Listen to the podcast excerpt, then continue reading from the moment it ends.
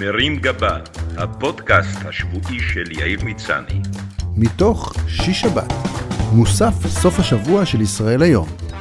והשבוע, גב האומה. באחד מימי השבוע שעבר קמתי בבוקר מהמיטה, ובדיוק כשניסיתי לעבור משכיבה לישיבה, חשתי כאב עז מפלח את הגב שלי בצד שמאל. זה היה כל כך חזק שצעקה נפלטה מגרוני. איכשהו הצלחתי לקום מהמיטה בזהירות, מנסה להבין מאיפה לעזאזל מגיע הכאב הזה, איך אני לא עושה את התנועה שתגרום לי לצרוח שוב, ואיזה מעשה נורא עשיתי שזה מגיע לי. זה היה בתחילת השבוע, והיו לי מיליון מטלות על הראש, מטיפול באימא שלי שאושפזה בבית חולים, דרך ענייני עבודה, ועד למעבר הדירה של בתי האמצעית, שיוצאת לגור באופן עצמאי לפני תחילת השנה האקדמית. במצב הכאב הנוכחי היה ברור לי שאני מנוטרל לגמרי. כמו כל גבר היסטרי שמורגל מהצבא בקבלת החלטות בשלושה חלקים, חשבתי ש... א', עליי להבחן ובמהירות מאיזה אזור מגיע הכאב, ב', אני חייב למצוא מזור לכאבים בדמות תרופה, שיקוי, לחש, ברכה מהרב קנייבסקי, כי הכאב בלתי נסבל. ג', אני צריך לארגן מחדש את סדרי העדיפויות של השבוע ולדחות כל דבר שכרוך במאמץ פיזי עד שהכאב יחלוף או שהמדענים ימצאו חיסון לגב תפוס.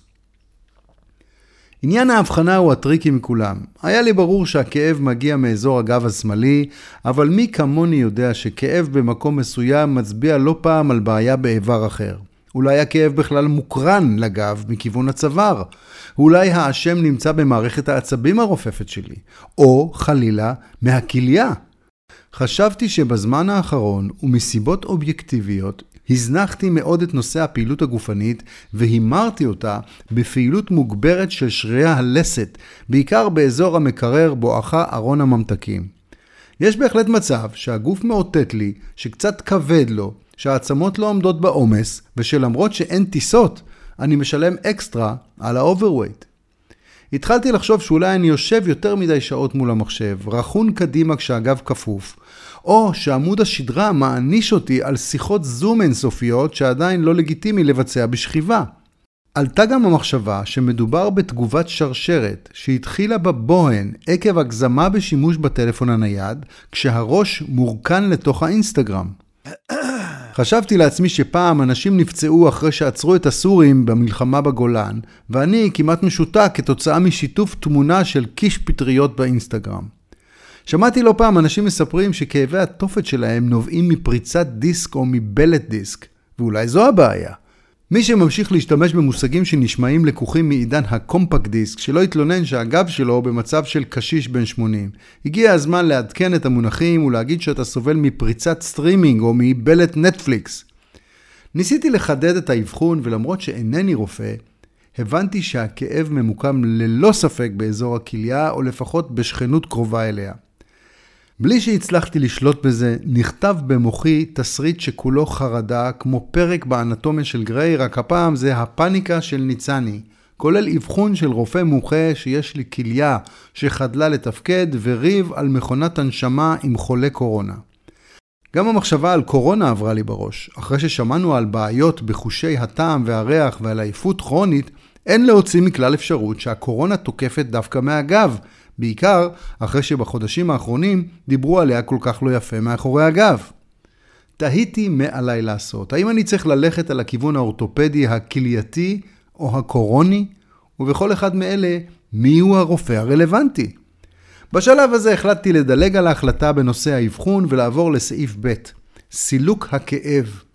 דידיתי לארון התרופות במינימום תנועות ומצאתי שם כל מיני אקמולים, אדבילים, אופטלגינים וגם תרופות כאב חזקות יותר, שנראו כמו תחליפי סם למכורים, ולא ברור למי מבני הבית הן שייכות. ההתלבטות הייתה האם למגר את הכאב בתרופה חזקה, בתקווה שכל העניין יחלוף ואוכל לחזור לשגרת יומי, או להמשיך לסבול, כדי שכאשר אגיע לרופא הוא יוכל לזהות את מקור הכאב. הגברת הראשונה שיש בה מידה של רחמים, אבל קצת נמאסו עליה היללות שלי, אמרה שאולי זה פסיכוסומטי וקשור ללחצים של התקופה. היא הציעה לי לנוח קצת בשכיבה, עם בקבוק חם על הגב.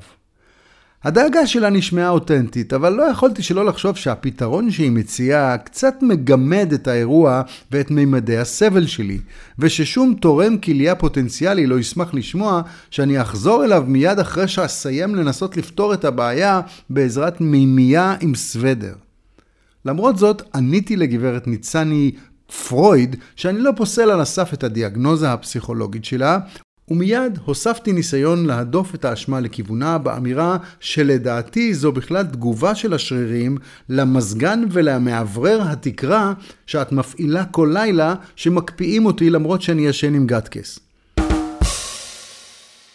ראיתי שאני מביא לה את העצבים, מה גם שהיא ושאר בנות הבית היו עסוקות בעזרה בפירוק המיטה, השידה ושולחן הכתיבה של הילדה שעוברת דירה ובסחיבתם לטנדר שבחוץ. אני כמובן לא יכולתי להושיט עזרה, והייתי פחות נייד מהספה שארבע נשים נאלצו לסחוב לאוטו. כדי לצאת בכל זאת בסדר, הגברת הראשונה התייעצה עם אימא שלה. האימא אמרה שהיא קראה באיזה מקום על אדם שכבר היה ממש קרוב לכיסא גלגלים עד ששיטת פלדנקרייס הצילה אותו, והיום הוא רץ מרתונים. חבר שלי שמבין ברופאים דווקא המליץ לי על אוסטיופט, שיטה שהומצאה כנראה על ידי אוסטרי פסיכופת. והשכנה החדשה שנכנסה לרגע כדי לקחת אבקת אפייה, אמרה לי שיש לה בחור שלפני הקורונה היה מטפל בבית בכוסות רוח, וזה מאוד עזר לה. אם כי בעלה אמר שזה שטויות, ושבאותה מידה אני יכול לשים כוס של אבקת אפייה על הגב. הדבר היחיד שבאמת עוזר לבעלה הוא שיטת אלכסנדר, אבל אין עליו כרגע את הטלפון של אלכסנדר. בשלב הזה הגיע אלינו שליח של וולט, שאמר שהוא מקפיד לעשות כל שבוע מסאז' בתל אביב, שגורם לו להרגיש בן 20. אבל הייתה לי תחושה שהוא לא מתכוון לטיפול רפואי. רעייתי אמרה שאולי מה שיעזור לי זאת טווינה, בשילוב עם דיקור ולחיצות של אבנים חמות. אני הרגשתי ששוב היא לוקחת את מצבי החמור לאזורים רחוקים מדי, בואכה סדנת חוקנים במדבר. החלטתי לקחת את עצמי בידיים וללכת לרופא המשפחה. בדרכי אליו עברתי ליד החדר של הילדה, וראיתי שמבצע ההעברה בשלבי סיום, ושבנות הבית פינו את הרהיטים שלה בעזרת כמה חברים חסונים. כשהגעתי לדוקטור שמכיר אותי הרבה שנים, כבר הרגשתי הרבה יותר טוב. הרופא שאל כמה שאלות, בירר מה מטריד אותי, אם אני בלחץ מהתקופה ואם קורה משהו משמעותי בחיים שלי בימים האחרונים. עניתי שממש לא, תוך שאני עונה לטלפון מהבית בעניין עגלה שתסייע בסחיבות. התנצלתי בפני הרופא והסברתי שהייתי חייב לענות כי הילדה עוברת דירה. הדוקטור הבהיר שאני בריא לחלוטין, חוץ מבעיית שרירים קלילה, שמתווספת לתופעה נפוצה אצל גברים בגילך, המכונה בספרות המקצועית תהמוד. על מה מדובר, דוקטור? תהיתי. זה נשמע כמו גרסה תימנית של התחמוד. לא ממש, ענה הדוקטור. מדובר בראשי תיבות של תסמונת התחמקות מסחיבות והעברת דירות, תופעה שנוטה לתקוף גברים במצבך יום לפני העברה של רהיטים. יש גם את התהמשם, תסמונת התחמקות מטיולי שטח מיותרים. אתה בקבוצת סיכון לחטוף גם את זה. הכאב יעבור לך עד מחר, תרגיש טוב. מרים גבה, הפודקאסט השבועי של יאיר מצני. מתוך שיש שבת, מוסף סוף השבוע של ישראל היום.